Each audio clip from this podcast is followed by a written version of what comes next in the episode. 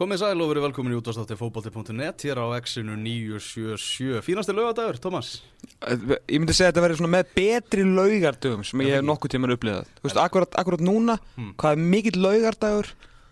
Bara, þú veist, ég elskar laugardaga. Og vera einn á laugardegi, mér finnst bara gott, sko. Já, við elskum lögadaga Heyrðu það er bara einföld dagskrá í, í þættinum hjá okkur í dag. Við Já. ætlum að byggja þetta upp á, á okkar góðu vinnum og það er Hingað eru komin okkar bestu menn Það er komið að þriðja fjórðansöpgjörinu í ennsku úrvalstildinni og til að fara yfir það með okkur að sjálfsögðu Kristján Allir Ragnarsson, uh, sérfræðingur Íslands í Leifurpólmálum og talsmaður Leifurpól á Íslandi og annars við að Tryggva Pál Tryggvason uh, af rauðudjöflandir.is Velkomin strákar enn og aftur Já, takk hérna. Hvernig finnst ykkur að vera hérna á laugardegi? Það er gaman að vera í heiðarlegasta útvarstætti landsins á lögadegi. Er það ekki? Já, nákvæmlega, það er sem við, við köllum okkur heðalasta útásvætt á Íslandi. Herru, eins og alltaf þá ætlum við svona að byrja á þessum tveimur stærstu fótboltafélögum í, eh, á Íslandi sem eru Manchester United og Liverpool. Og uh, svona til að, já, sérstaklega til að pyrra að aðrastunismenn og síðan ætlum við að eins og kíkja á önnur lið og fara síðan í veluna afhendinguna fyrir þriðja fjórðungsuppgjöri en það styttist í annan endan á ennsku úrvástildinni tíumbilið 17-18 United var að spila á, í mestradildinni núna um daginn á uh, miðvikudaginn. Uh, ekki, ekki dag og lögadeg, heldur á miðvikudaginn.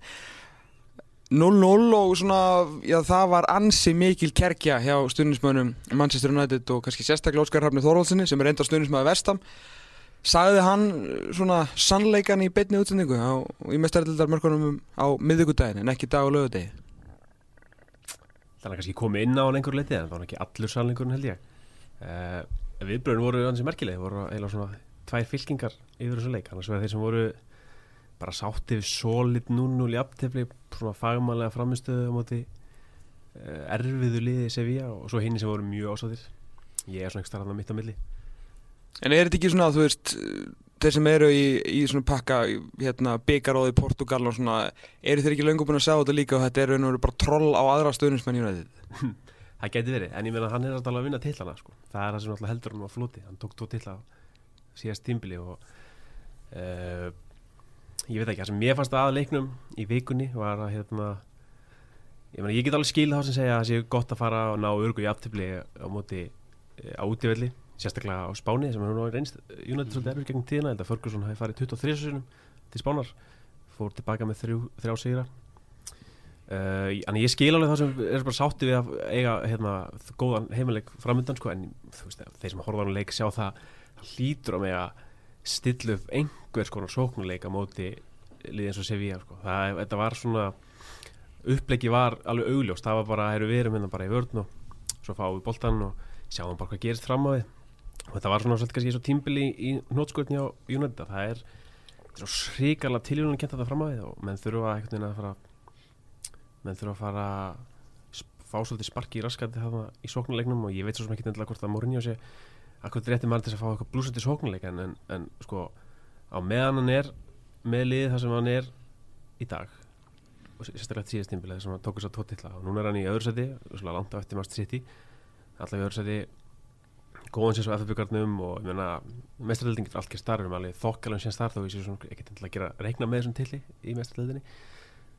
meðan hann er á þessum staðum í lið þá er ekkert hægt að gaggrina neitt sérstaklega mikið sko, þó að menn geta alveg farið með þá kröfum að einstakar leikir verði kannski aðeins skemmtilegri. Spilar ekki inn í svona þessa kerkju að á sama tíma er Liverpool að vinna 5-0 á móti Porto og heldur bara einhvern veginn flugaldarsýningu Svona pyrring stuðnismanna United. Það gæti alveg verið, ég held að menn séu kannski miklu verið að pyrraðar út í hvað City eru miklu betri sko. við hérna stundum sem United hafa ekkert rosa mikla minnum átt að kenda mótið Liverpool uh, allavega augnumblíkinu, menn við horfum bara jú, ég vissulega Liverpool spila mjög fallega bólta gaman að spila móti, en gaman að horfa á Liverpool spila, en ég meina tökum bara tíu, tíu tímbil hvað er unni marg titla, einn titil Deildabikar, auðmann Deildabikar titil á meðan á sama tímbil hefur United alla titla sem er í bóði þannig að við erum miklu frækar núna að horfa á City sem svona sem hefur alltaf verið litli bróra þegar ég meina Liverpool og United hafa alltaf verið nokkurn veginn jafnokkar þó kannski svona hallist á milli. í gegnum tíðina, gegnum aldirnar sko og þú veist við virðum alltaf Liverpool sem svona þú veist þetta er svona besti vinur okkar sem við erum alltaf að reyna að keppa við sko en City þetta er bara eitthvað li, lítill tittur sem alltaf einu er að reyna hérna, er svona eiginlega búin að síga fram úr jöndan þannig að við erum svona miklu bitrari held í þá frekar en að Liverpool sé spila eitthvað bólta sko Mm. En hversu fyndið þið fyrir þig Kristján allir að, að þú veist, einmitt þetta, bara 5-0 á móti Porto og bara svona flotti leikir, þú veist, áttu alltaf hvað koma þessi skellir ennþá, þú veist, er ekki, Leifbúli langt, ekki ennþá orðið svona þannig fullmóta að þeir geta klárað skilur Swansea og Vestbrom, sko, en, en svona akkurat núna vera að rulla upp til dæmis Porto-liðinu, ádreika völlum og menna United býður síðan upp á, upp á hennar viðbjöð. Já, ég veit ekki ef ég kannski ég nú svona alveg tilbúin að heyra hvað Tryggvi myndi segja um United og ég ætla að koma kannski með mótrökin hvort sem að það eru þá jákvæðið eða mó, neikvæð mótrök en sko svona í þeirri umræði þá langar mig að benda á það, kannski hefur líka þú veist, náttúrulega auðvitað litar það United stuðningsmenn og þeirra skoðanir í þessari viku að bæði City og Liverpool vil svo til að þau fóru út í velli og raskeldu sína anstæðinga í síðstöku auðvitað eigur það eins pressun á hana kannski minna eins á sig og, og svo, þú veist, svo eins og venjulega með Mourinho og þá fer hann í það þú veist, að skilja Martial eftir á bekknum í staðin fyrir þú veist, það er svipað og ef að, Leopold hefur farið til Porto og sett Sadio Mane á bekkin fyrir einhvern aðeins störu svona miðju sinnari mann Mm. til þess að, þú veist, alltaf svona safety first hugsun einhvern veginn hjá Mourinho en, en hérna uh, þú veist, það, það er náttúrulega munin en, en menns láti eins, eins og sko ofta eins og Klopp sé að spila einhvern gung-hó bolta og Mourinho sé miklu pragmatískari það eru rosalega svona öfga stereotýpur hérna sem að er ekkit þú veist það er ekkit mikið endilega þú veist það er ekkit endilega innistæði fyrir því því að United eru búin að skora svipa mikið í öllum keppnum og Liverpool. Ég held að þessu búin að skora ég er nú ekki með það fyrir fram hvort þeir eru búin að skora meiri deildin eða aðeins minna heldur en Liverpool. Liverpool er svo Tíu búið að tapa er það er ekkert liðnum að sitt í búið að tapa færi leikjum í Liverpool í þessari deild. Liverpool er bara búið að tapa þremur en United 5 í þessari deild. Þannig að hverju er þá þessi svo meinti pragmatismi að, að skila Mourinho? Þú veist þegar að veist, ég kemst bara ekki yfir að þegar ég horfi á United. Mér finnst að hann gæti gert meira úr efninu. Nú er hann búin að bæta Sanchez við og þá Mhm. einhvern veginn bara á það að gerast á kostnað Rashford eða Martial af því að hann getur ekki mögulega fórnan einu í þessu, þessu deiliskipulagi sína á miðjunni þar sem ekkert pláss má myndast og ekkert hann er, hann er alltaf safety first sko. Ah. og hérna það gerðist í fyrra að Antonio Conte og Chelsea skektu myndina, þeir bara settu met í að vinna marga leiki í röð og bara kláruðu þetta mót fyrir ármót og sama gerist í ár en þá var það Manchester City og Guardiola. Og þessi lið hafa eitt peningum en þetta er ekkert lið sem er eitthvað að blása United úr vatninu eða Liverpool jafnvel út í það er farið þessu uppbygging sem á, hefur verið á Liverpool. Mhm. og ef við horfum á Tottenham þetta er ekkert eitthvað lið sem að þú átt ekkert að horfa á City og segja City vs United eða City vs Chelsea. Já þetta er bara ójafn leikur. Það er það ekki. Og hvað gerir Mourinho ef að svo kannski Tottenham eða Liverpool eða eitthvað er liði sem að stingur af og vinnur tíu leiki röð með blúsandi sóknabolt á næstar og ætlaði menn þá ennþá að segja já ég meina hann er best of the rest og, og það er bara rosalega flott hjá hann því að þú veist, þessi, jú, hann er í meistarleldinni og hann hefur sagt það sjálfur oft Mourinho að meistarleldin hefst í raunin ekkert hjá stórliðunum fyrir alvöru fyrir njáttalúslitum því að þá svona þú veist, þá eru menn ekki lengur með þetta protection fyrsta sæti í riðla mútið öðru sæti í riðlu og forðast samlanda sína þá ertu Mhm. komin á það að þú getur lent í hvernig sem er en þetta getur náttúrulega verið óöppin eins og til dæmis París að búar eru núna PSG að fá real í þessar umferð. Getur að lent í því en, en hérna, en þú getur ekkert hort á United þó svo þeir séu fyrir ofan Tottenham, Liverpool, Chelsea í, í deildinni, þá getur í rauninni ekki hort á þá í mistardeildinni sa- dag og sagt þetta eru það, þetta sé lið sem er sennilega líklega til þess að vinna mistardeildina heldur en Liverpool, Tottenham og Chelsea ekki eins og, og sérstaklega kannski Tottenham og, og Liverpool er að spila.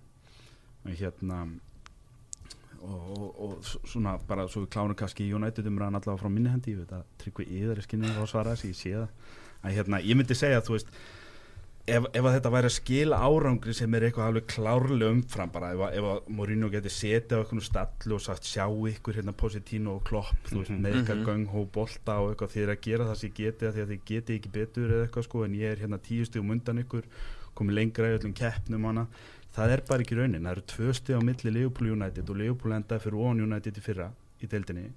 Og þau eru bæði dottin út úr byggakefninum og þau eru á sama staði mestardeildin en þar var Liverpool að rústa portugalsku mestarunum á meðan að United fór og svona hálf bara genið það sem að Mourinho gerir sætti sér jafnteflið á útivelli.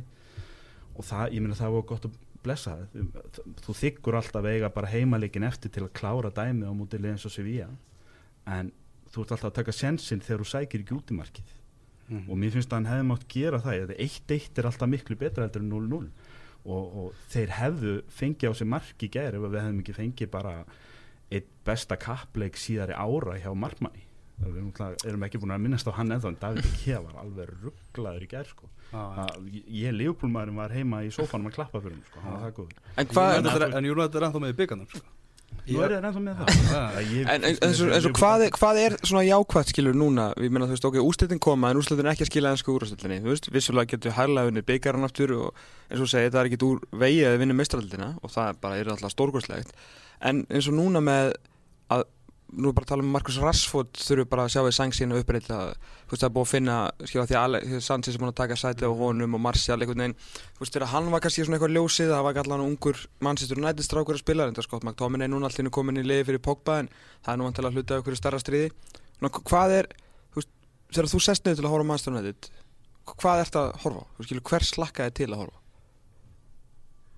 Ég lakka til að horfa á Pól Pogba spila sem er, endar hefur ekki verið að hérna, eitthvað stríða mill þeirra en sko það sem ég finnst vera það sem ég horfi ef ég horfi á svona stóru myndina ekki hérna einstakar leik þá finnst mér bara Mourinho vera að rétta skipið við og það er það sem ég finnst ég ákvæmst við þetta er að hann tekur við af Louis van Gaal sem tók við af David Moyes þeir voru alltaf svona hálfgjöru bulli með þetta lið kaupa afleita leikmenn flestir mm. -hmm. allavega Louis van Gaal kefti leikmenn kaupa þar voru mjög léleg Mhm. maður sér það hjá síðan hérna, Mourinho tók við að leikmannkaupin hafa verið miklu betri hann er að kaupa miklu betri, með, betri kartra og svona bara byggja upp ákveðna já, er svo, þú veist, það er að koma svona ákveð akkir á lið og hann er svona að ná að snúa svo hægt og bítandi við og hérna uh, mér finnst einhvern veginn það var svona talað um þegar hann var ráðin, ég veit ekki hvort það var, kom frá honum eða meiri óskikja frá stöðnismönnum að þarna væri komin einhver stjóri sem geti svona leikið eftir Ferguson að því að vera svona lengi hjá liðinu, ég held að hann verði ekkit svaka lengi hjá United. Það verði eitthvað nokkur ári viðbútt og á þeim tíma ef hann tekst sko að einhvern veginn stýra liðinu í réttan farveg sem hann sýnist alveg að gera því að sko, eins og Kristín allir sagði hann getur ekkert verið að vera að hýja á Pochettino og Klopp, en hann getur það samt eiginlega vegna þess að hann í fyrra var hann tvo tilla sem þeir gera ekki. Og jú, það er ekkert mikil munur á þessu núna en hann er samt í ágættin séns að vinna minnst að kosti eitt till mögulega tvo Tottenham svo sem líka en ég sé ekkert endilega Tottenham. Að ég sé alltaf ekki Liverpool að vinna þessa tilla mér finnst það einhvern veginn, mér finnst það aldrei endast nóg vel og kloppinu og ekkert sérstaklega þegar það kemur á úsluleikjum þannig að hann, hann hefur þetta fórskot á þá og það er þetta svona það er þetta þessir, hann er svona hægt og bítandi að fara í réttaröðin ég er samt alveg líka samanlega Kristinn Alla, hann geti verið að gera miklu betur með hann mannskap sem hann er með sóknuleikurinn eins eins og ég finnst ég alltaf vera að tala um Jú, jú. hérna þegar hingað, það er, þetta er svo, hrikalega sjáum bara hvað gerist ef við komum boltanum við miðju það verðist vera planið.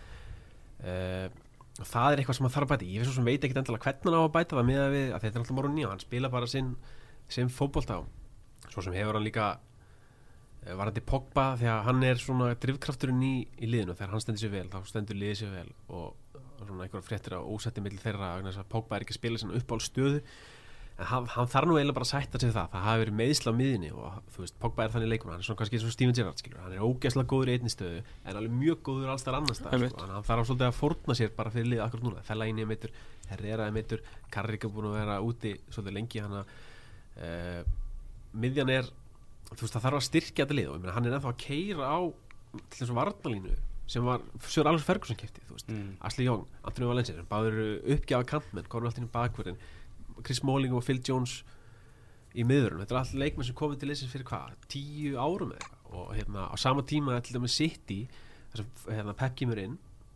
sér bara, hérna við þurfum að gera algjörbreytingar sko. hendi bara hilli vartalínu út og kaupi nýja. Mhm. uh, kaupi líka nýja markmann sem gengur ekki upp. Hefur þá efni á að henda honum í burtu í varalið til þess að kaupa nýjan markmann á, á 30 miljonir punta. Þannig að uh, þú veist það þarf að uh, það sem Mórni hefur að gera hefur kannski virkað fyrir svona kannski 5, 6, 7 árum sko, en að því að Pep er komin og hann hefur náð svo hraðir endun í hún á City og spilar mjög skemmtilega bolta þá skekkist myndin svo svakalega. Þannig að Mourinho þarf einhvern veginn að hann þarf að fara í það þarf að krefja svolítið meira stjórninni til að fá að kaupa losa sig við þessa varnalínu allavega. Það þarf hæri bakvörð, það þarf allavega einn nýja miður uppi og það er auðvitað nýjan vinstri bakvörð. Uh, og þú veist, þegar þú ert að keppa með bak, baklínu sem er með þessa varnamenn sem ég sagði, þú veist, það er ekkert mjög líklegt til afrega, Mm. en samt er hann að ná að kreista út þó þetta sem er náttúrulega ansi gott, sko, sína alveg hvað hann er góðu stjóri inn við beinið. En það er þessi sóknuleikur sem þarf að hérna, við erum búin að eða, þú veist, næstum öll tíma hérna, fyrsta hluta uh, þriða fjóðungsuppgjörsins í Manchester United sem þýðir bara eitt og það er uh, vondir hlutar að gerast. Það er eina sem við tölum um og eina sem við talaðum í fókbalta veru er bara neikvæða hlutinir Það er Eh, svona eftir almennt eins og við fréttum almennt. í raun og veru það er eina sem fólk vil lesa. Vond viður selur meira heldur en gott viður Það er ekki frétt ef hérna, bíl kemst upp ártúnshöðan á þess að lendi í vandræði Nákvæmlega. Herru, hérna, tökum síðustu minnar aðeins í, í Liverpool Hvað, hérna, hvernig, hvernig líst þér á þetta núna eins og staðan er og hvað getið þið ef eitthvað unnið á stímili Já, Leopold er bara að komast upp ártúnsöðan og þess að í vandræðum. Er það ekki svolítið þannig? Það er ekki bara málinu lókið Nei, hérna já, Leopold er náttúrulega bara veist þetta er ekkert eitthvað frábær staður en þetta er mjög góð staður. Mm. og, og það sem Kloppu gefur Leopold er hérna, það getur vel verið að liða sér kannski eins og ég segi, ekki eins stöðugt og United og, og skilja ekki titlum. Og það er náttúrulega, og við höfum rætt háður, það er það sem að Klopp þarf að sína fram á hjá Leopold því að deildin er ekki eina keppnin. Þó svo að það sé svona heila í galleikunum fyrir öllum Leopold stundismönnum að þá er alveg hægt að hyrða allar hyrða aðra dollur í, í leiðinu og, og eins og þetta tap gegn Vestbrom í, í byggarnum um daginn var bara mjög slæmt Mhm. því að það er dettur, ég menna auðvitað þú kannski, þú getur gefið Leopold eitthvað að þú veist, 2% líkur að vinna þessa mistardeild hérna, þú veist, og menn kannski svona, þú veist, tala af ykkur virðingu eftir Istanbul og segja, þú veist, það er ekki hægt jú. og allt það. en samt, þú myndir aldrei segja Leopold segja líklegir og þar að leiðandi eru svona kannski svona raunhægastu möguleikarnir á, á dollum á þessu ári farnir og ennsafnar byggarskapurinn ríki því eins og, og Mhm. Tryggvi sagði þá er þetta bara dildabyggar árið 2012 það er allt og sumt síðan 2006 Mm. hjá Leopold, þetta er allt í orðnir orðin 12 ára 1 dolla og hérna og Leopold þarf svona bara einhvern veginn að gera upp við sig bæði Klopp og Leopold. Þetta er orðið frábært, þetta er orðið rosalega skemmtilegt lið. Þetta er líka lið eins og vennilega eins og við höfum oft sagt sem að getur skotið sér reglulega í fótinn. Mhm. en það virðist nú eitthvað að hann virðist loksins vera búin að taka af skarið allavega fram á voru með markmann. Hvort er hann ætlar að halda sig við í staðin fyrir að vera að láta á skiptast á að spila? Og, og, og þó svo Van Dijk sé kannski ekki að- alveg orðin 100% ennþá hann ég held ég að þurfi klarlega bara svona sumari líka þá aður hann sýnir kannski endilega hvað í honum býra þá er allavega allt annað að sjá líka bara allt liði kringum hann eftir að hann kom inn hann virðist gefa mönnum ákveðna festu og, og hérna, menn hafa orð á því sem hafa farið út á leiki og annað slíkt að hann er bara strax byrjaður að stjórna öllu Mhm. í liðinu og gargand allan tíman en Leopold þarf að gera upp við sig eins og til dæmis United og eins og Chelsea og þessi lið að, að hérna að, þú veist er kannski munun á Englandi og Þískland og Spáni er að hann tekið við lið sem voru mistarlið sitt í en þurfti samt árið til að aðlaga sig og, og styrkja lið eins og hann vildi þannig til hann gætt ferða að spila þessa pep drottnun sem við þekkjum með Barcelona bæinn Mhm. en nú er hann klálega að sína hana og hvað ætla hinn liðin að gera? Er það nóg fyrir Liverpool og Manchester United og Chelsea og Tottenham að ætla að berjast um að vera best of the rest ef að hann er alltaf með deildina? Ætla menn bara að sitja í sumar og krossleika fingurna og vona að það komi eitthvað óvænt hérna, eitthvað óvænt krísa hjá City svo að menn geti lauma sér í titilbarátt á ný eða á hann bara að fá að fara aftur í 95 stíðin á næsta ári og þú veist, hvað ætla menn að gera? Því að þegar hann var hjá Barcelona hann stakk þetta mikið af og þá gáfu á endanum Real Madrid í og bæði með Pellegrini og Mourinho og settu við stiga með til þess að reyna einhvern veginn að mattsa þetta Barcelona lið. Pellegrini náði einu sinni og hérna og Mourinho einu sinni. En Pep tók í nárin þannig að spurningin er hvað ætla menn að gera hjá Liverpool og Manchester United til dæmis? Og hvað ætla menn að gera hjá Tottenham? Ég veit að Tottenham er á liðan og nýjan völl þeir eru kannski fjárhagslega ekki á sama stað og hinliðin þeir eru aðalega einbytt sér að því að halda í Positino og halda í þessa leikmenn sína. En, en hérna nægir það mönnum ef að Liverpool fer upp fyrir Manchester United í voru og endar í öðru sæti? Mhm. Og fer kannski segjum einu skrefi lengra en United í mestaradel þá geta menn hýjað á verki fjandurna Mhm. í sumar, er það nóg fyrir Leopold þegar byggaraskápurinn safnar meina er það nóg bara fyrir United að geta sagt, já við erum í öðru sætt og það er ekkert að marka þetta sýttili Þetta er bara frábær spurning. fórum í undan úrslit en, en í hérna byggarkeppni og mestardeld en gerum ekkert meira. Er það nóg fyrir klubbin sem hast United? Þannig að Já. það er svolítið staðan, þetta er frábært hjá Leopold í dag, ég er rosalega ánæður Mm. en, en á einhverjum tímapunktið þá vil ég að menn fari að bleita tuskuna og, og þurka rikið af byggarskapnum og sjá eitthvað koma inn. Og kloppi er að klára þriðja tímabil með liðið og svona líklega ekki að fara að sitja inn á dollu þarna inn í skáp. Menn, veist, menn verða á einhverjum tímapunkt að spyrja sig, eru, eru við í þessu til þess að hérna, vera með rosalega skemmtilega fótballtaleiki og, og, og hérna, gott Excel-skjali og lók tímabils eða eru menna þessu til þess að reyna að vinna eitthvað? Þetta er, þetta er spurning sem eigendur liðana þurfa að miklu frekar en, en, en stjórarnir. Algjörlega, við tökum okkur smá pásu, við tölum aðeins um drottnur Manchester City, er ennska úrstöldin bara eins og uh, svo spænska eða svo þíska er, getur þetta haldið áfram í þrjú ár? Við komum áttur með ennska ringborðið eftir augnablík? Áframeldur ennska ringborðið hér á X-inu, sitjum Elvar Geir og Tómas Þór og hjá okkur eru okkar menn, Kristján Alli og, og Tryggvi Pálli, erum búin að ræða svolítið vel um Manchester United og fórum aðeins í, í Liverpool líka, hér og eftir er, er velunafending og, og ég veit ekki hvað og hvað eftir, eftir þriðja fjórðungin það er bara komið að loka sprettunum, við ætlum að vinda okkur yfir í Manchester City og þetta afl sem að Manchester City er orðið tráttur að hafa tapað fyrir jú vikkan í, í byggjarnum um daginn sem er náttúrulega ég skil ekki hvernig bara það á að geta gæst Það er bara gott að fá bara stundum áminningu um að fókbólti er en það fókbólti Já að þetta sé að kraftverkin gerist þó enn sko, það er bara sérstaklega þegar maður er að horfa á þetta sittilið sko, bara að taka og snýta öllum sem verða á þeirra vegi sko. Þetta er svolítið fyndið að þetta vikkanlið skulle hafa eitthvað taka á sitti Af öllum liðum sko Af öllum liðum, alltaf dotnir úr efstu deilt og annað en eru samt eitthvað, eitthvað gríla sko Dotnir er sko í sétild Já, ég sá sko. okkur á töfla á Twitter sko þeir eru núna hérna held ég frá, frá því að nýju eigendunir eignuðu City að þá eru bara Liverpool búin að vinna City oftar en vikkan Þetta er sko, séu að vera tölunar úr svo leik og að grein hérna á BBC og hérna í vikunni vikunni á, hérna, á 50 daginn, ekki dag og lögadag þá hérna voru þess að byrjunarlið vikan í leiknum var metið á 1,8 miljónur evra 1,8 miljónir punta og þar að voru 1,3 bara í Will Grigg sem að sérst að keftur á 1,3 og hefur hvorki greinlega farið uppni niður sko. Síðan var einn hérna hæri bakurinn á 531.000 pund og hini nýju komið á frálsum sölu og eru ekki verðmetnir á meir en 0 krónur.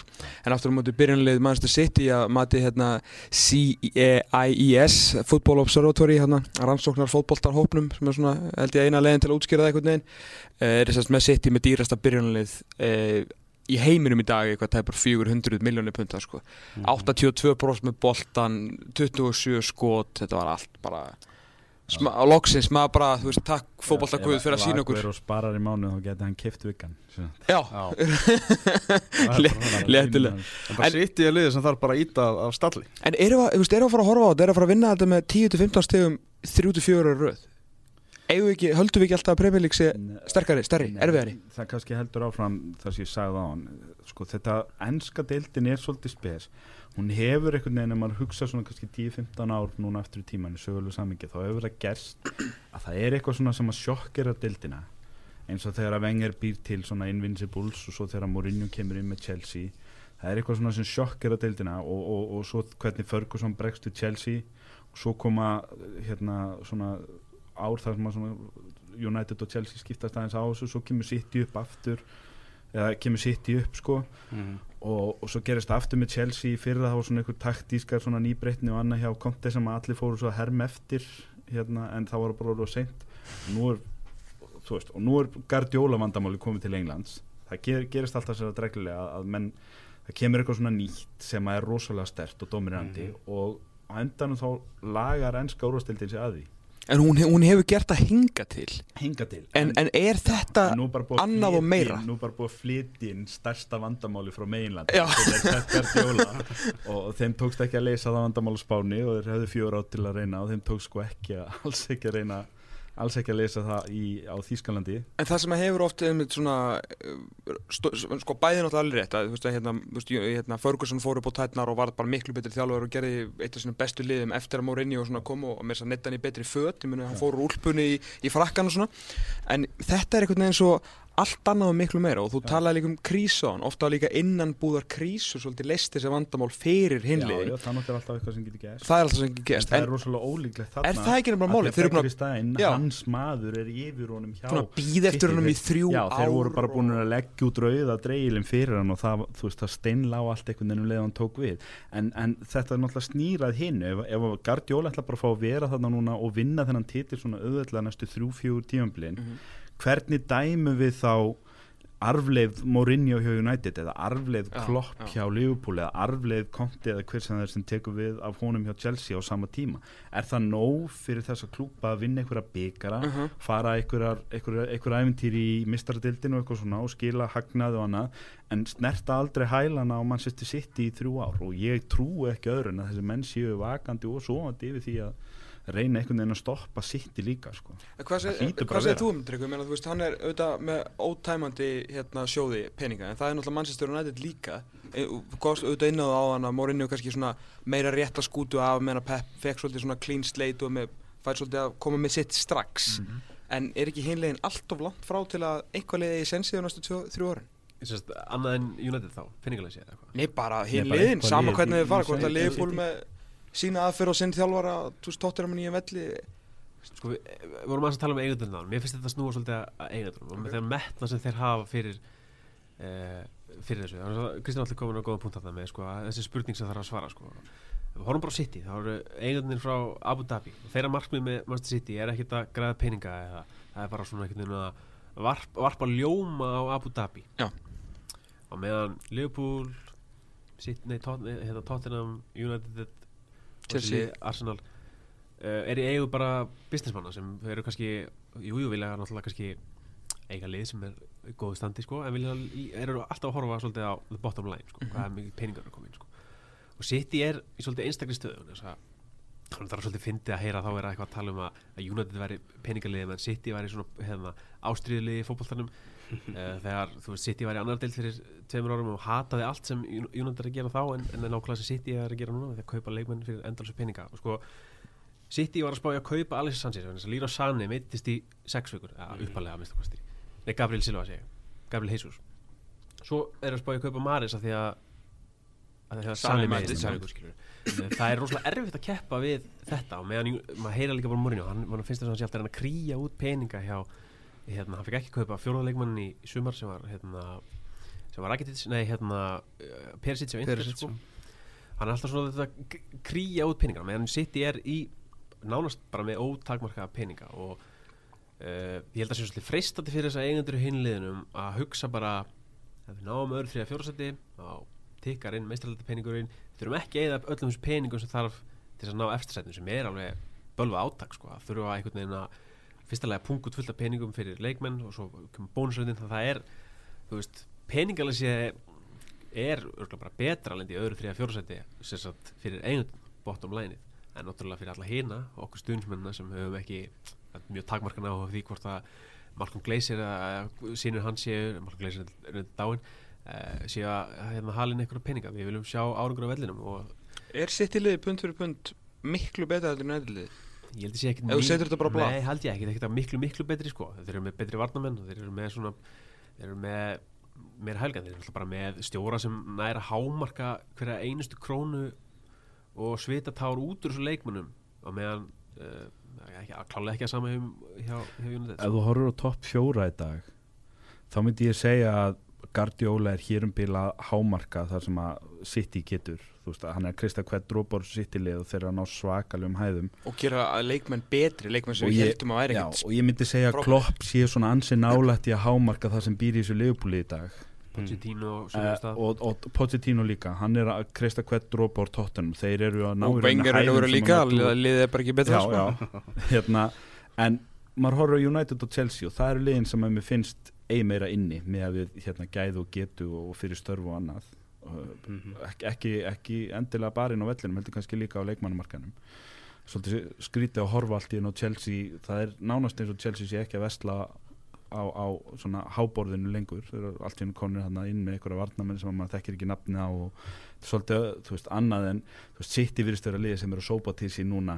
Leikmönnum sem að engin annar á sjens á bjóði í einhvern veginn. En, Mhm. en Chelsea var það lið í rauninni þangar til að City hérna koma borðinu þannig að spurningin er, þú veist, hvað hvað eiga þessi liðni? Það, og það er, og ef, ef við ætlum kannski að tala um Chelsea aðeins eða svona mm Mhm. vind okkur aðeins yfir það hérna, það er kannski eini eigandinn af þessum mönnum, þú hugsaður um eiganduna hjá United, Liverpool, Tottenham, Arsenal það Abrahamovic er eini maður sem að maður getur sí, ímynda sér að líði ítla með að vera í öðru sæti. Og Ég hefur ekki- oft ég held- eitt til að vinna en ekki Já, til ég að græða einhvern veginn eins og Tryggur segir eigendurnir, bandaríkjamennin hjá, hjá Liverpool og United, þeir hugsa með þessu sko ef ég er að koma út í gróða og alltaf í öðru eða þriða sæti og fara djúft í meistardildinni, flott. Eða skella mér yfirdrátt til að vera í fyrsta, fyrsta sæti að því að mér leiðist að láta ykkur að Abu Dhabi gæði að vera fyrir ómi ég held að þeir hugsa ekki þannig en Abramovic held ég að geti alveg verið þú veist, kastandi einhverju veggja á snekkinu sinni yfir því hvað Chelsea gengur illa eina fyrir enn árið eftir að hafa unni deilt Það er alltaf alveg ljóst að Conte er ekki með beina línu inn á Abramovic og það er svolítið að fara í taugatnar á, á, á Conte. Hann er bara fara að nýta fjölummiðlana til þess að reyna að setja pressu á, á aðri menn til, a, til að fá sínu framkengt. Sko. það er náttúrulega bara starfsumkörfi sem Abramovic er búin að skapa að, að, að maður sem að vindur titilin í fyrra hann er alltaf einu tablik frá því að missa starfið þetta er svona tórir, þetta, þú veist, við vorum að grínast með þetta síðasta haust en það er samt alveg alvar á bakvið þetta grín. Þetta kemur nákvæmlega ekkert óvart. Að konti sér alltaf einhver valtur tíu Nei. mánuðum eftir að hafa unni titil. En það magnaði við þetta er að þetta virkar hjá Chelsea þess að Ég meina, er eitthvað annan lið sem hefur haldið sér? Þetta virkar þannig að menn vinna tvo titla á fimm árum. Já, en ég þetta meina, virkar ekki þannig að þú kannski skila þeim yfirbrum sem að til dæmi sittir að hóta ná núna. Nei, en þú veist, er það ekki bara það er rosalega erfitt að ná þessum yfirbörðum Ég meina, Chelsea, ef við hor- horfum bara síðustu tíu ári meina, þeir eru, þeir vinna alltaf þessa titla vinna, þeir eru búin að vinna meistardeildina þeir eru búin að Európa-deildina, vinna, vinna alltaf titil hvað, svona annað þriða hvert ár, Já. skilur er hann ekki bara, þetta virkar fyrir þá? Já, já.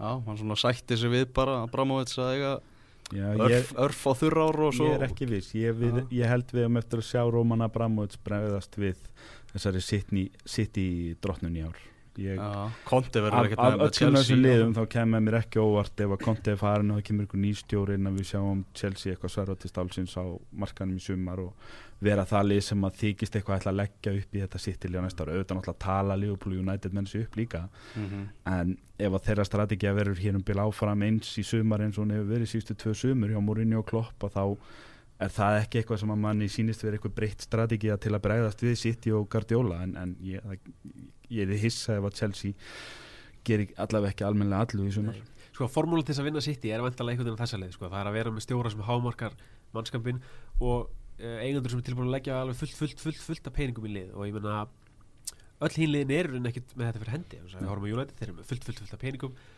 Viss, vissulega mjög góðan stjóra en ekki kannski sem er að hámarka hvernig einsta drópa út í liðinu og meðan uh, Tottenham og, og Liverpool sem eru svona kannski allavega fyrir millið Tottenham svona mest spennandi liði sko klárlega með stjóra sem ná mjög miklu út úr leikmannhópnum en eru ekki í stöðu til að fara að eða einhverjum Já. miljardum í leikmannhópnum þetta verður örgulega erfitt en að samanskapi það er líka fárálega erfitt að verja titil Já. það hvað er ekki bara United síðasta lið sem varði titil í deildinni Jú. það er, það er þú veist, það breytist eitthvað hjá hinliðinu þegar þú ert alltaf að fara að keppa við, við hérna það er góð punkt Við- og það var ekki einu svona síðast þegar United vann titil var það unnu síðast 2013 var ekki Já. 2010-11 sem 2012 þeir unnu vann City þannig að það er Já. 2000 Er það ekki bara þrennan? 9-10-11 með TVS og Já. Nei, 8, 9, 8, það er 8-9-10 eða eitthvað 7, 8, 9 Já, Þetta er allavega 8, allt í einu að 8, detti í 10. áratug síðan eitthvað 2011. lifaðan tvö ári röð. 7, Chelsea vinn 2010 Þeir var verða- það 2009 7, 8, 9 er sem sagt þrýri röð. Síðast að þessast það er, það, sko. það er síðasta lið sem vann Þá ættum við kannski að fara að valli að fara að spá sitt í einhvernum fjórum í röð hérna. En það er svona og bara stóra pælingir sko, hvort að hann sé að koma með þessa drottnun yfir sko. Af því að hann er náttúrulega svo súrrandi bilaður að, að það er engin leikmar í þessu liði sem að mun fá tækifæri til að auðvitað sjáum við alveg fyrir okkur að þú veist John Stones og allt innast að vera bara að byrja halló ég er þú veist englandsmistari í besta liði sögunar hérna og Kyle Walker og þessir ennsku gæðir sem er nú nógum illa að tala um bara svona á kúltúrin í ennsku fótballtamönnum Fabian Delf Fabian svona, ég held að hann reyndi að vera öruglega heiðarlegastur aðeim öllum sko. En svo líka, hversu lengi? Eh, þú veist, Hann hefur náttúrulega aldrei stoppað lengi á hverju stað og hann náttúrulega krefst svo, hann, að því hann segir hann er húrandi Alveg svo bilaður, sást bara því sem vikaleik sko. Eh, nýbúin að skrifa eitthvað bref til dómaröndarinn og hvað kvart yfir því að hérna, leikmið sé að tækla leikmið sitt í þessu illa og svo hendir Delf sér í svipað tækling og þá er hann alveg villur Já, já þannig að þú veist, ég held svo erf þetta er svo, þetta er svo líjandi held ég fyrir hann að vera í þessu starfi sko. Það er máli sko, ég, hérna, þú veist og Klopp, Klopp er búin að vera í sjö ár hjá Mainz og sjö ár hjá Dortmund og þá var hann alveg búinn hjá Dortmund, hann fór beint úr starfinu hjá Mainz til Dortmund. Og menn tala alltaf um það að þessuna sé svona hægt að ætla að hann eigi bara sjö ár hjá Leopold en mann gleymist alltaf sko að hann færði sér bara svona stutt um set frá Mainz til hérna Dortmund og hann, í rauninni var að í 14 ár þar. Mm áður en hann var að taka sér eitthvað frí sko. Guardiola er, er þannig típa sko, hann, hann gat fjögur ár hjá Barcelona, þá var hann bara búinn. Ég las bókinum hann, árið sem hann tók sér hérna frí árið í New York eftir Barcelona og hann bara varð að hætta hilsuna vegna, það var bara, þú veist, hjónabandi hann bara lág allt undir sko, því að hann var hættur að koma heim á nóttunni Mhm. hann, hann er alveg manískur sko, og hann, Mhm. er, hann er núna sko kannski ekki núna eftir hennan basileik en þú veist, þegar hann fær næsta inn í áttalúslitunum í mestadildinni þá, þú veist, þá er þetta gaur sem er að fara að gista bara á æfingarsvæðinu til þess að finna út leiðina til að vinna þú veist, Real Madrid eða hverju sem það verða í áttalúslitunum Ah. og hérna og, og hann er alveg mannisku með það sko þannig að, að þú veist, hversu, hversu lengi endist þetta hjá hann það er bara líka á hann æfingu hjá bæði minn vera tuskandi Já. Thomas Muller til mm -hmm. lónast bara að lemja þeir fyrir að fylgja ekki fyrir mál þetta, er- hann er ekkit, þetta er annað árið hans hjá City sko, hann er ekkit þarna mikið meira en 2-3 viðbútt Sko ekki, hvernig ætlaði að verið þessi frægi fundur hans og Marcelo Bielsa þeir voru saman að tala um fótbolta í 17, nei, hvað er ekki, 17 klukkustundur segir sagan þegar Bielsa var að kenna honum. 7 sekundar pressuna sem hann síðan fullkomnaði sko, þeir borðuðu bara argentist nautakjöt og drukku argentist rauðvin í 17 klukkutíma á vökunni sko að tala um fótbolta. Þú veist þetta á bara að vera svo tveir krakkfíklar bara að tala saman sko þetta, þetta er neysla, sko, Það- af fótbolta, það er fínt, já, maður sér það á Guardiola núna hann er með eitthvað reglu um það að hann tjáir sig ekki, að gaggrínir ekki dómar á fréttamannafundum eða, neitt hannig en það sést svo á hann um, hann þólir ekki enska dómara og, og, og þetta svona hvað enski dómar að leifa mönnum að að hann er bara hart í svo, þetta, hann er alltaf ótrúlega vanur því að leikmennir séu bara látnir í friði Já, já. Barcelona og Bayern Já, Munich já, sko. þetta Já. er svolítið öðruvísið þarna sko í, í Englandi það er og líka reyna bara kannski ekki bara það því þýskri dómar reynda mjög góður ég horfum á búndislíkuna og það var alltaf jafna virkilega vel dæmdi leikinni sko Mhm. en svona virðingin fyrir leikmönnum frá öðrum leikmönnum er svo miklu meiri. Á, á Spáni og voru ekkert eitthvað að reyna að fóbrota muller af, að þeir voru pyrraðar á því að, að, að ná ekki að snerta bæinn Það er alltaf en, einhver en það er svona- svolítið þannig á Englandi Já, menn hafa einmitt. verið að gera heiðarlega tilhörinu og, allt- og, sko, og ekki United eða, Nei, eða nei, nei, nei. Chelsea eða eitthvað sko. það Það hafa verið einhverju gæjar frá veist, Vestam og Burnley og eitthvað sem er að reyna beinbrjóstæklingarnar á, á De Bruyne og félaga þannig Mm. Þannig að ég skilja vel að hann sýst í svolítið höfuð er, þetta er líka svolítið kultunum bara í Englandi ef að, ef að við getum ekki hérna matchaði á fókbaltavellinu og það látum við allavega að finna fyrir því þannig að munum eftir að hafa spilað við okkur. Sem er eina ástæðin fyrir þetta um talin svo erfið deild að þú veist, þú farið alltaf eitthvað eitthvað, eitthvað mótspilnu sko, hvort sem að sé sko, ofbeldi eða fótbolti. Mann virðist sko að það var horfast tímbili fyrra hann Guardiola ekkert bregðast í testaklega vel við mótlæti sko, hann var rosalega pirraður og leiðilegur í fyrra gekk, gekk uh, og núna töpuður á móti við gamdöttu út sko og hérna uh, Arsenal framöndan í úslitum deildavíkarsins og svo Arsenal aftur í deildinu og ég held að sé Chelsea svo fljótlega eftir það. Þannig ég menna við segjum að City tapa mútið Arsenal í úslitum deildavíkarsins það var mjög gaman að sjá þú veist hvort að það hafi einhver svona neikvæð áhrif hvort að, að þeir hann ekki glýmdu neitt einast mótlæti í þessar deild. Þeir komast yfir á annari myndi hverjum einst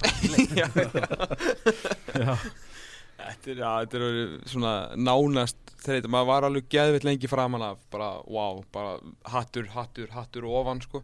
Þetta er náttúrulega frábært hjá er Ég veitum hvað er unnu marga í röð og, og þú veist, að vera í þeirri stöðu að það bara, þú veist, það er bara alheims frettir að þeir hafi loksins gert jafntefli hérna einhvern tjónum áramótinu mútið Palas og hérna, og svo þegar fyrsti tableikunum kom loksins, þá bara þá var eins og menn færi bara, nýjan, þetta er þá hægt. Sko bara, halleluja. Að- ég meina, það sýnir bara hversu miklu yfirburðnir eru og það verður að gefa honum það, þú veist, að það var tveir, þrjá aðri stjóra reynt þarna áður og ekki náð þessum yfirburðum með alveg slatta peninga bak sig. Hérna en, en eins og ég segi, þetta er bara vandamál sem aðri þurfa að leysa, þeir verða mistarar í ár þeir eru aldrei að fara að missa það niður Nei, nei. til er hvort að klára dildabyggar um helgina og hvað þeir gera svo í Európu, það er náttúrulega bæði City og Paris PSG eru náttúrulega svolítið í þeirri stöðu að að maður sér það bara eins og þú veist að því að, að ég- les stundum í kringum mestarleitina gamni eins og Eurosport og Þísku blöðun og svona og þau eru til dæmis að taka eins og, og Liverpool miklu alvarlegar heldur en heldur en hérna Paris eða City einhvern veginn, þá, voru meiri frettir einhvern veginn hjá Evrópublöðunum í síðustu viku að Liverpool skildi vinna Porto svona stórt heldur en að City skildi vinna Basel. Og það er bara því að þú veist það er eitthvað á baku söguna hjá Liverpool í Mhm. Evrópu þó svo maður myndi í rauninu horfa á liðin og segja auðvitað eru City miklu líklega liðið til að fara djúft í mistadeldin í árheldur en Liverpool.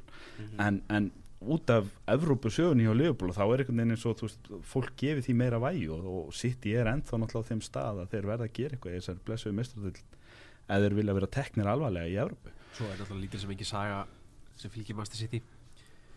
Þeir hafa ekki gert margt í gegnum tíðina og ég meina bara eins og í Spáni þú veist að menn er að tala lið þá er Master United það er bara að kalla Manchester í spænsku fjölumilum og Já. bara á Spáni. Já, nákvæmlega, þeir eru svolítið að berjast við þetta það, það er, þú veist, það er náttúrulega fylgir þessu. Það er engin hefð fyrir neinu hjá þeim. Þannig að þú veist að með þurfa að vísu fyrir að þeirra komin ágætlega með þeir byrja að skapa þessa hefður núna. Það var mjög frólægt að sem þetta sjá hvernig þeir gengur í mesturleginni það er náttúrulega allt unnur allt annað dýr heldur en úrvarsleildin sko. Já, Mhm. algjörlega. Tökum okkur smáli að mætu sann hérna rétt og eftir og þá ætlum við að vera með veluna afmyndingu og fleira góðgæti.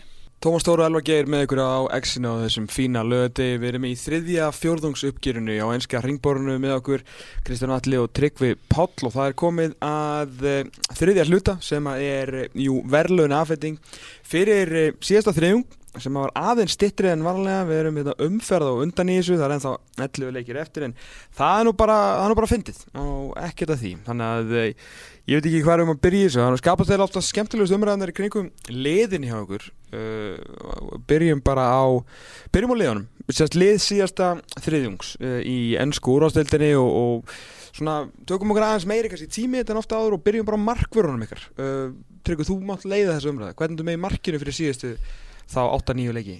Sko, það er ágætt að breyta stöðu til og ég held ég hef alltaf valið David Gea í, hérna, í marki hjá mér. En ég skellti Ederson að það inn í þetta skipti. Já, ekki nefnilega því að Gea er eitthvað slagur sko, bara því að Ederson er búin að vera útrúlega góður en einhvern svona er útrúlega mikið akkir að það fyrir þá. Já, ég ætla að viðkjanna það að hann er tölverð betri en ég held. Ég Já, trúði ekki getið komið markverður úr portugalsku deildinni, já, því að eins og með Viktor Lindelöf, það sem var alltaf bent á að hann hefði verið með 640 sendingar og 87% sendingar getu sem miðvörður Benfica, bara þú veist, dreftu mikið sko, en Edison komið skemmtilega. gríðarlega framfyrir frá Claudio Brá Ö- það þurfti nú ekki mikið til Nei, reyndar, en, en, en, en, en, sko, en, en já, eins og segir, bætingin er mikil. Markinu á þér er, já, það er eini United maður þess að þú svona viðurkennir raun og úr lífinu. það, er, það er umdilt hjá mér hérna, ég vil byrja, byrjaði að lýsa frati á þetta markmannsval hjá Tryggva þetta er, þetta er mikil svik. Ég held að við værum vinir Tryggvi. En, hérna, þú veist að við leifupólmenn við þólum hennar mann ekki. Hann, hann skallaði takkan og satt í manni Svíf, á hátt. Hafa skótnir jafna sig ennþá það, ég... ég veistu það, ég veit það ekki en manni er ennþá jafna síns hann, hann, hann er bara rétt núna dætt í gang með þrennu hann í síðustu ykkur en, en, en ég setti að sjálfsögðu David De Gea í, í, í, í marki ég tryggum á alveg reyna að vera eitthvað dipló og, Mm. og rótir að sæns ég á með Hugo Loris allt ári í fyrra þannig að mér finnst bara allt í lagi ég hafi David De Gea allt ári í ár hann Mm. er í hupra markmar í Og er líka líklega bara besti markurur í góður, heimi sko, hann maður er sé ekki náttúrulega ástæðu á þessum þriðungi nei þessum fjórðungi neitt frekar en hinnum fjórðungunum tveimur að, að vera að taka hann úr liðinu er að, hvað er að spila? ég, Ég- hérna, ég ákvað til heiðurs all, öllum hérna old school bresku stjórun sem eru konir aftur í deildina og hlóði í 4-4-2 Glæslegt ég, ég fór bara líka í 4-4-2 það er ekkert Nó, sko. aðja Herru, varnalína þín Tryggvi En ég hendi Kyle Walker bara því hæri bakurinn mm. Ben Davies í, í vinstri bakurinn hjá Tottenham. Og Vertongen í hérna miðurinn og ásand Harry Maguire. Mér langar aðeins að svona e, breyta til og er ekki alltaf með þessa toppleikmenn hérna hjá Lestri, minnst hann helviti, helviti góður sko. Gott var var örgulega ef, eflaust komið til eitthvað stærra liðs eftir Já. tímulið sko. hann, hann kom til þeirra frá hull fyrir tímabili fyrir þetta er annað sísón hans hjá Lester Mm. það er alveg allavega þess þrjáleiki sem hann, hann hefur spilað gegn í vettur og þá og ég held ég að sé kannski tvo aðra leiki með Lester, tvo þrjá. Svo school breskur miðurinn er alltaf gaman að horfa á sko. Já, en það er samt, þú veist, það er svona einhver yfirvöðin í honum, hann er góður á boltan líka. Hann er nokkuð svona nasku fram á því það kemur ekkert óvart ef að eitthvað af stærri liðnum tækja hann. Og ég meina maður skoða til dæmis þessa miðverði sem að Chelsea hafa verið að sapna undanferði það þeir geta alveg notað með hann Já. til dæmis. Svo með Vertongen sko, ég þrái bara að fá einhvern eins og hann í þess að uh, Chris Smalling og Phil Jones þú jú þeir eru ágætti síndi Brooks þeir eru fínir varnamenn í þessum basics varnamenn að tækla, skalla og eitthvað hreinsa sko en þegar kemur að því að byggja upp eitthvað sókn frá öttustu varnalínu þá Mhm. er þeir ekki þetta sem þú vilt hafa en Vertongen væri til dæmis akkurat sá miður sem þú vilt hafa við það hann var geggjaður á móti hérna United til dæmis þegar United, Tottenham tók og snýtti United Mhm. hérna, bara bossaði gjössanlega sóknarleikin hjá United Varnalína hjá þér, Kristján Alli Her, Já, hérna, ég er nú fljótar að renna yfir þetta en það er, ég þarf að útskýra eitt val. Hérna, Kyle Walker er í hæri bakk hjá mér líka. Það er fristandi að taka bara Joe Gomez og Trent Alexander-Arnold saman í þetta en, en ég, ætla, ég get ekki verið svo hlutræður Kyle Walker er náttúrulega bara á þetta. Það er ekkert Eh, sérstaklega mikið úrvala herri bakverðum í þessari deild. Nei, ég meina ég var með Viktor Moses mest á í fyrra í vangbakverjun ég veit ekki, hérna Sappa Costa hjá Chelsea hefur einhvern veginn ekki heilla mjög mikið. Já, ég meina að hæri Það er næst besta leysis í deildinni það er jú þarna, kantmaður sko.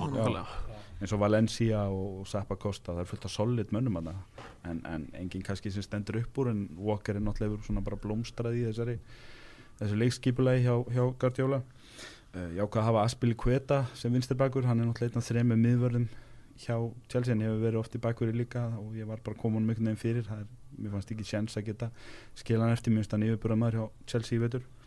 Uh, ég verið með Otamendi í vörninni en ég ætla að kvíla hann aðeins núna því hann hefur verið að missa hans úr leiki og ég er sammála að tryggja á sitt fyrir tóngininn burðar á síðustu tóttanali og svo kemur umdelda valið það er hérna Tarkovski hjá Burnley ég, hérna, ég nefnilega síðast að ég vildi veluna Burnley þeir eru með svo lúmst góða vörn og, Mhm. og hafa verið ótrúlega flottir í vetur. Þá valdi ég Ben Mee sem ég er mjög hrifun af. Mhm. og það var eina skýtkasti sem ég fekk á netinu eftir síðasta afsjónumsupgjör það var að ég skildi að hafa valið Ben Mee en ekki James Tarkovski og það gekk svo langt að ég horfið á Burnley spila sko daginn eftir valið ég maður rétt og Hötti Magg var að lýsa. Og hann passaði að taka það fram alveg tví eða þrýgang í leiknum að, að Tarkovski hefur sko verið yfirbúra maður hjá með mér sko þetta er pillati mín hann Þessi útastáttur mótar ég, er aldrei, sko. ég aldrei svo vant að þá tók ég bara lýsinguna í beinni beint til mín að er hlaut að vera að senda mér pillu þannig að ég þorði göru og, ég, og hann er svo sem með líka ég var að skoða þetta til að vera svona vissum hvort að, hvort að ég var nú að bregðast þarna við einhvern þrýstingi sem ég ætti ekki við.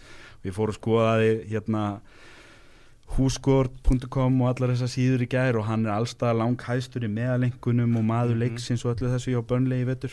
Hérna, svo eini sem er eitthvað nálætt honum það eru Ben Mee og, og, og, og Jóhann Berg. En, Börnlega reyndar ekki að vinna marga fótbollalegi nei, nei, en, en þessi vörn Þessi dærin Jæja, miðjan þín tryggvi. Fyrst þú myndist Já. á húsgórt.com það var aðtilsvægt að ég liði álsins hjá þeim sem tekur eitthvað svona tölfræði hluta saman og gefa þeim einhvern og eitthvað þá eru Andri og Lensja og Asli Jóng í bakvarastöðunum Já, Já. Þetta Ég- er vatn á millu þeirra sem segja tölfræði ekki heim í fótbolta. Ég, ég get sagði, ég get hérna ég hef alveg valið Val- Valencia áður en ég get alveg lofað þér því hér og nú ég er aldrei að fara að setja Asli Jóng í Miðjan tryggvi? Miðjan, uh, viltu fá miðjan miðjan eða gamlen eða hvað? Fjóri að fjóri tveir já, hvað er bara með þá með línuna. Uh, Sko ég er með Ha- Hazard á hægri kantinum. Svolítið upp og ofan tímbali honum kannski eins og hjá Chelsea.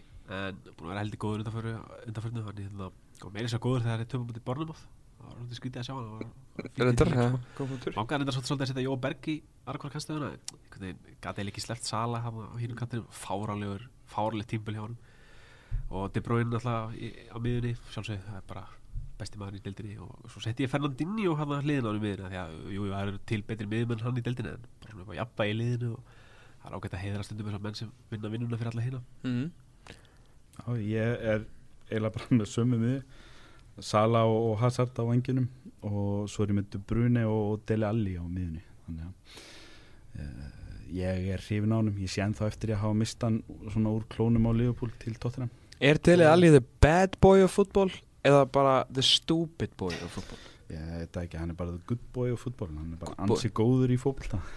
Já, en ég tala um svona í ég, ég veist, af hann- brotnu heimili og svo er hann, þú veist, eitthvað aðeins að- að að púta sig í gang og svona maður sér það svona á honum að uppbeldi sem hann fekk var ekki alveg upp á tíu sko. Þetta er góður strákur held ég með beini Eða það ekki? Já, hann er náttúrulega ykkur við sem hann heitir bara Dele núna sko. Jú, jú, að sko. allt í einu á föður fjölskylduna og afneitar allir nafninu þetta, það er eitthvað pakki að en hann allavega uh, skilar því sem skiptir máli inn á vellinu. Þá Yes. Ég sé hann alveg hrikalega mikið fyrir mér hjá svona leikmann sem allir hata Já. Ég elska að hafa þannig liðinu.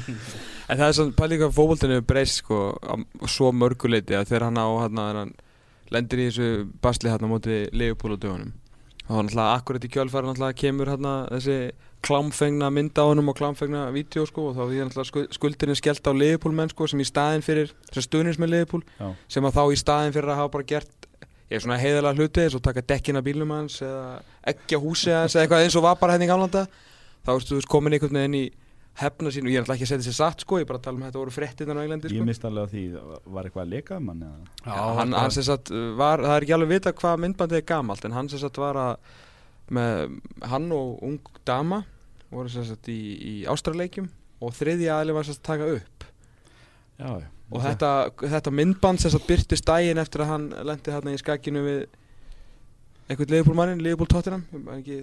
Og, hérna, og þá var sérst Leopold stuðnismönnum eða einhverjum stuðning, ákveðum hópi eða einu manni eða eitthvað svona hefur voru svona s- sakaðir um að hafa eh, sérst hakkað iCloud eða svo leikið þessu sko Já, ok. Þetta er svona lýsir nútíma fótbolta mjög vel og mann finnst líka svona versta sem hérna stjórnismenn geta gert við aðra leikmenn er ekki lengur þetta gríðarlega heiðalega múfa að taka dekkin undir á bílnum sem ég veist alltaf er fárlega vel gert.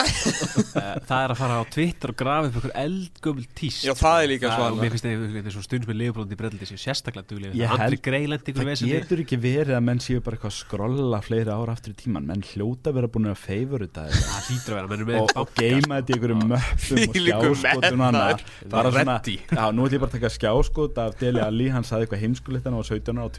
möppum og Það já, nú ætlum ég bara að taka skjáskot af Deli Ali, hann saði eitthvað heimskulegt hann var 17 ára á Twitter eða eitthvað og Já. þannig að ef, Mm. ef hann skildi eitthvað tíman voga sér að, taka dífu um og dífu mínu En meiri segði þegar hann stóð þarna sko kviknakin meðan sko, sko beinstífan og, og damana hérna að vinna fyrir kaupinu sko. Og hann hafði gaman að þessari upptöku, það sást alveg Já, er á upptökunni. hann meiri segja að vara með svona saklausan þurru Hann var svona, ok, þú veist bara ekki alveg hvað er að frétta í þessu lífi sko. En, en rosalega góður í fótbolta, það verður að segja stálega Ég er mjög þakklítið fyrir að hérna, menn voru ekki fann að finna upp þessu þegar Evra Suárez stemmi allt var að gangi þá hefur örugglega hægt að grafa upp eitthvað slæmt um Evra sko.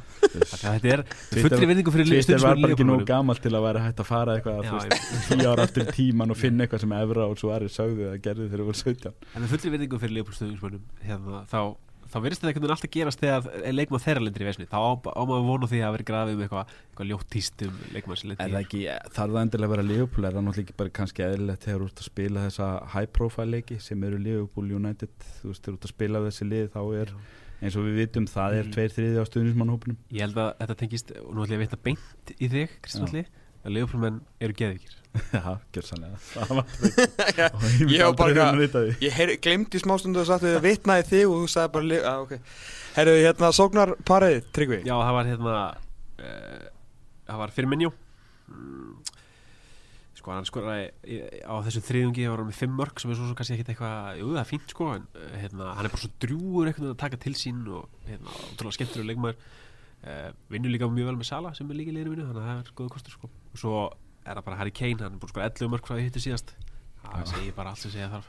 Það er bara venilegt Já, Það er ekki ágúst, þá var Harry Kane að nákvæmlega. hérna, Þú kemur mér í alveg fella vonda stöðu núna því að mér líka betur við þitt liðið mitt. Ég er nefnilega ekki með fyrir mín og í mínu lið Harry Kane er þarna, það þarf ekki að ræða þannig tvekar ég setti Sergio Aguero hann inn, hann er náttúrulega búin að sjóða þittur og tala um fimm mörkja fyrir mín og ég held að hann hafi tekið, var ekki bara fjóra eða fimm í hennu leik?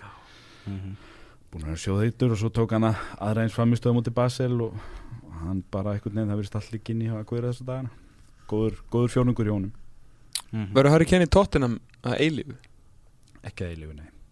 En ef hann heldur áfram svona ég held að, ég held að hann sé að býða eftir að að hérna, þú veist, menn bara komin á nýja völlin og sjá hvað gerist. En þeir náttúrulega gera það á næsta ári. Og ef það er liðin eitt eða tvö tíðanbili viðbútt uh, og Tottenham er ekki farið að skila dollum í hús að þá er Harry Kane ekkert að fara að staldra mikið lengur á Tottenham en þú getur svo sem sagt að sama um Mohamed Salah hjá Liverpool Ah, þannig að þú veist, Kane er langt í frá umstæmi þar mhm. Aha, Kane verður þá dýrasti leikmaður Rasmussen held ég ef það fer sko Það fyrir eftir hvað er nú hann þegar hann fer Hvað er nú hann gamall núna? 24? Er hann Já. eldri? 25? Nú Nú er ég bara ekki Með viss. Daniel Levy í brunni, hann er ekki fara að semja um neitt minna en Harry Kane er Neymar 20 verður og ekki- 4 ára gammal Já, Já. 24 Tí, Væntanlega 25 í Tíminn til að gera það er núna næstu tveimur árum eða þú ætlar að setja þetta heimsmet og fara til Real og annað Þeir eru ekkert að potið úr tónum 28 nýja Ah. Þannig að Nú Næstu líður tvö nú ár, skrampi heldur. vel hann hjá spörs það er, það hefur aldrei verið vandamál Aldrei verið með eitthvað, aldrei verið að hóta einunni neinu, einu Michael Owen einast leiði líka mjög vel í Liverpool og. Og Ronaldo, nei hún leiði reyndar ekkert vel í mannstir en, en hún leiði vel inn á vellinum allavega. Þú veist þannig að bara þegar Real og Barcelona koma kallandi þá skiptir engum máli. um það er yfirleitt alltaf betra viður hjá þeim þeir heldur en þér að- spurning hvort að tóttir að fara að vinna ykkur þeir eru ekki að, þú veist, þeir eru alltaf hann einhvers staðar næstu því og Pochettino verðist vera mjög fúsa að fórna, fórna byggurunum byggakefnunum í staðan fyrir einhverja, það einhverja von gæti stærri verið mistök. Og koma munum svolítið á blóðbræði með því að taka alveg Já, einmitt, þannig að það ef, ef við tekja ykkur titla tveimur árum þá get ég alveg séð fyrir mér að Kane ef það fær eitthvað gott tilbúið, það vil ég fara sko. Það væri bara að gefa út núna bara power rankings bara bestu stjórar í heiminum eins og staðan er í dag. Hvar væri Pochettino á, á þeim lista? top 10 já, Já, Var hann ekki bara á topp 5? Nei, það Ekki Þetta er líka með þjálfara Ekki meira þá- vinnur ekkert, það er ekki hægt Nei. með þjálfara þarf ofta að meta líka sko á hvaða tímapunkti eru menn aðeins farnir að skauta á, á orðsporinu ah. án þess að vera kannski endilega að ná árangrunum ennþá skilur mm -hmm. hérna þú veist, ég er til dæmis bent á Ancelotti sem að kannski fóð svo allt í hennu núna fyrst niður á við hérna hann er þar því að þú veist ég myndi segja top 10 Það það þarf að fara að vilja titla til að klifra Já. ofar og svona sína eitthvað það þarf að fara að fá eitthvað, eitthvað tilbaka fyrir þetta allt saman en sko bara með peningar sem tóttanir þau voru að spila og, og uppbyggingur hjá þeim á leikmundum þá er hann að gera ansi góða hluti sko. Mm -hmm. það er líka þegar tóttanum eru í stuði þá er þeir, það er alveg geggjað að horfa á að spila fótbolta sko. eru bara, þetta er frábært lið og, og þú veist, jafnvel sem ekki stuðnismæður þeirra en hef heldur aldrei haft neitt sérstaklega mikið eitthvað á móti tóttinam að hérna, það er ákveðin sóun ef að svona flott lið hjá þeim kemur upp og heldur sér saman í þessi fjögur, fimm ár með þessum stjóra og slíkt og skilar ekki einni dollu í hús. Það Ja. er bara rosalega sóun. Alveg sama hvaða dollur það eru. Menn verða líka að geta hort tilbaka og sagt þú veist eitthvað, manstu þegar við fórum að vembli og, og hérna dönsuðum alla nóttina í staðin fyrir að geta sagt Mhm. bara eitthvað hei, manstu þegar Kane skoraði þarna þrennu nummer þrjú Mhm. það er ekkert jafn stert skilin eins og geta, þú veist, menn þurfa að innsigla þetta einhvern veginn, einhverja byggara annarsæti í deild og, og áttalúsliti mistardeild er ekkert sem fyrir í byggarskapin Þú veist, ég verkist ekki vafa um það að ef við myndum setja saman eitthvað þryggja manna dómnefn og senda bara hérna Davís Snorra, Kristján Guðmundsson og Heimi Hallgrímsson bara og eigða sex vikum með öllum, þú veist, ef við myndum setja saman eitthvað Mhm. top 15 lista að þá færi Pochettino svona frá keilu til keilu og frá fundi til fundar, frá leikrinningu til leikrinningar örugla á top 5, sko. Já, Ég held að það sé, eða svona, manni, manni, maður heldur Já. það en við sem að bara þú svona á, þú kannski raðar á topp 5 þjálfurunum ef þú ætlar að fara að tala um satt félagslega þú þú getur ekki, mér finnst þú ekki geta búið saman landslýsjálfarana Mm. og félagslega er svo allt önnur Já, já, já. hérna, allt önnur rútína en, en þú hlýtir að raða efst þeim sem að tryggja þér titla veist, og, og að því leitunu til Já, við, við eru- gerum það, skilur, sem erum er svona outside looking in Ah. Já, en, en ég meina þú veist Að hvað, ég- hvað sem þér finnstu mannin? Ég meina nú erum við búin að hérna, tala fram og tilbaka um Mourinho, það er maður sem skila dollum Algjörlega, Mhm. á hann þá ekki alltaf að vera á topp 5 ekki spurning. Og Guardiola er á topp 5 Conte er núna búin að vinna do, dollur í tveimur deildum. Allegri. Já, Allegri er þarna, veist, þetta eru mennin sem skilaði titlum og þú kannski líka forgánsaðar síðan leikmenn sem að þú veist, hafa gert þetta á fle í fleiri en einu landi eða með fleiri en einu lið til að sína það að þetta sé ekki bara að menn hafi verið í réttum aðstæðum mitt lið sem þú getur til dæmis kannski sagt um Allegri og þá getur þú farið að taka til menn svo Ancelotti eða Mhm. Rafa Benítez Já. Mhm. eða eitthvað álíka, ef að Klopp vinnur ykkur á dollu með Leopold þá getur hann sett sig í þann pakka sko, hann hafi vunnið þetta í tveimur löndum Já, en þessi En menn sem að tryggja er dollur, Já. það eru efstir og svo eftir það þá hlýtur að horfa á svona það sem að þú veist, þetta tactical innovators já. Mhm. En ef þú ert menn. fórseti stórleis í dag og þú ert að fara að skipta um þjálfara, fá nýjan þjálfara þá verður ekkert langt lið á fundina til að nafn Pochettino verður komið Nei, tækjur Ancelotti sem hefur unnið dollur í þreymur löndum eða tækjur Pochettino sem að virðist einhvern veginn vera miklu ferskari áherslur og annað þó svo að dollurna sé ekki konar í hús Mhm. Kannski þú vil verður vera að meta. Herru, besti leikmaðurinn, við höfum að klára hérna Verðlaunin, maður. Rétt að, að rétt á hann við ljúkum þessu. Í þessu þriðungi þá er bara Mohamed Salah sem kemur til greina sko. Þó að De Bruyne og, og hérna Kane sé- hann er svo góður. Salah bara er einhvern veginn bara svona eiginlega á öðru leveli með að við einhvern veginn aðra leifulumenn og gerir hlutin sem hann gerir er bara fáralegin mörki sem hann skorar einhvern veginn býr ekki til neitt býr eitt til hellingu úr engu og hérna, en fyrst erum að tala um titla þá fannst mér, eh, eh, þeir sem horfðu á Rúni þáttinn á, á Sky með Jamie Carragher sko, Jamie Carragher á búin að stilla upp einhver tölfræði sem hann stilt upp Mane, Firmino og, og hérna Sala á móti TVS, Rúni og Ronaldo á sínum tíma og það sást að tölfræði var og að svipu sko, þeir voru að leggja upp ákveðum jafnmörg mörk á myndum og, liði var að vinna dollur. Já, og einmitt, spurði hver er munur? Titlanir og bankar ekkert upp á John O'Shea í dag og fer að rífa kæft því að þú er með betri tölfræðin hann sem regnaður hann segir bara býta eins og fer svo inn og næri einhverja fimm Akkurat. premjum Fimm medaljur eða eitthvað Það er bara þannig. Við erum Harry Kane sko, þegar ef hann verður á Tottenham all tíð þá ég held að sínu- Tottenham sínu ekkert að fara að vera eitthvað stórlið sem er að þá fara endar hann í þessum Alan Shearer flokki Ég var að fara að nefna einn sá þetta. besti sem hefur spilað boltan í Englandi bara, bara komplett Hann er ekki, þú veist, hann valla En nefndur hann er, með- sko. hann er með eina dollu eða eitthvað sko. Svo, svo rúlar John O'Shea inn í Herbyggi og Harry Kane og þeir fara að bera saman medalíur og hann tekur upp alla þessa endalus titla sem hann Já. og Harry Kane er þá hvað, hann var guldskóin Já, guldskóin fyrir árið 2017 sem er ekki eins og ekki, hvað er hann búin að vinna hann markaðastur í Englandi, skilur, hann er með ok. góldebút hérna Aðjá, Robby Það er Fowler og tvo svo leiðis.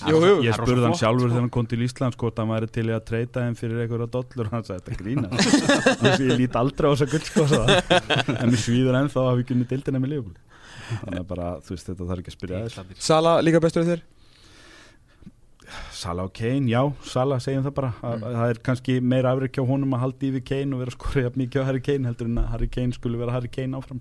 Mhm. að Sala heldur náttúrulega bara áfram að koma óvart. Ég held að ef að við hefum tekið línuna hérna allir fjórir og, og, og sagt eitthvað þú veist hvað hérna fjóri leikmenn eru líklegastir til þess að vera eitthvað stjörnir í þessari deildi vitur það er engin á okkur nefnt. Þó svo við hefum átt nefna þrjá og fjóra leikmenn hver við ég held að það er engin á okkur nefnt Sala síðasta sumar Já. það sýnir bara að, veist, að hann skuli allt í hennu vera veist, eitthvað, einn af topp 5 framherjum í Evrópu eða eitthvað tölfræðilíf vitur. Þetta er bara fít verðin sem voru gangi síðasta sumar og það sem Leopold borgaði svo fyrir hann.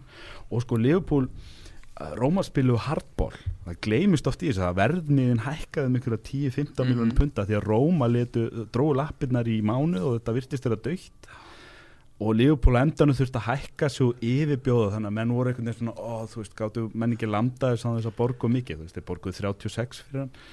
Og þú veist, mánuðið setna þá voru leikmenn að fara á 100, 150, 200 pluss og Sala, þú veist, hann er skora meiri neymar þannig að og voru ykkur vonbreið á í, hérna, í þriðumrum Ég held að þetta sé sinn sem ég vel í Póla Pogba sem vonbreiði þessa þriðungs Hann reyndar, það var hann eftir það var Everton og Stoke sem var uh, hérna, um áramótin eða í byrjun í janúar sem hann einhvern veginn, hann lagði upp tvö mörk í, í, í hvora leik og það var einmitt fekk hann að vera hérna, svona vinstra megin á miðunni í svona frjálsæri hlutverki en ofta aður sko.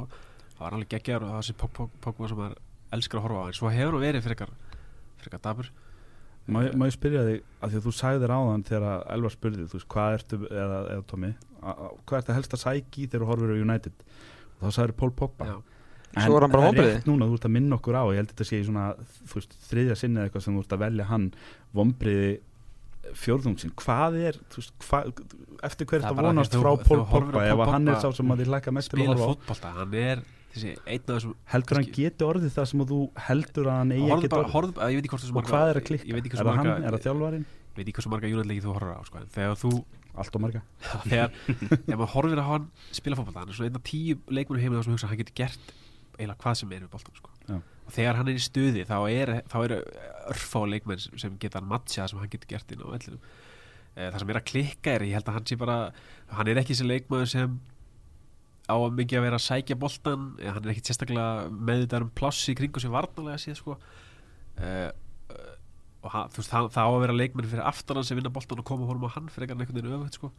Og, en mandamáli er náttúrulega bara að þarf svolítið núna að fórna sér af því að það hafi verið meðsli á miðunni og hérna, þarf svolítið að fórna sér á miðuna í þessu stöðu sem finnst kannski ekki sérstaklega gaman að spila. Já. það sé svona kannski fyrst og fremst sem er að klika en ég menna ef þú horfir fjögur, fimm ár fram í tíman og segir sé hjá United allan tíman ertu, ertu sáttur við að þú ert ennþá að segja sömu hluti um Poppa Nei, þetta ekki. Eftir kannski einn eða tvo stjóra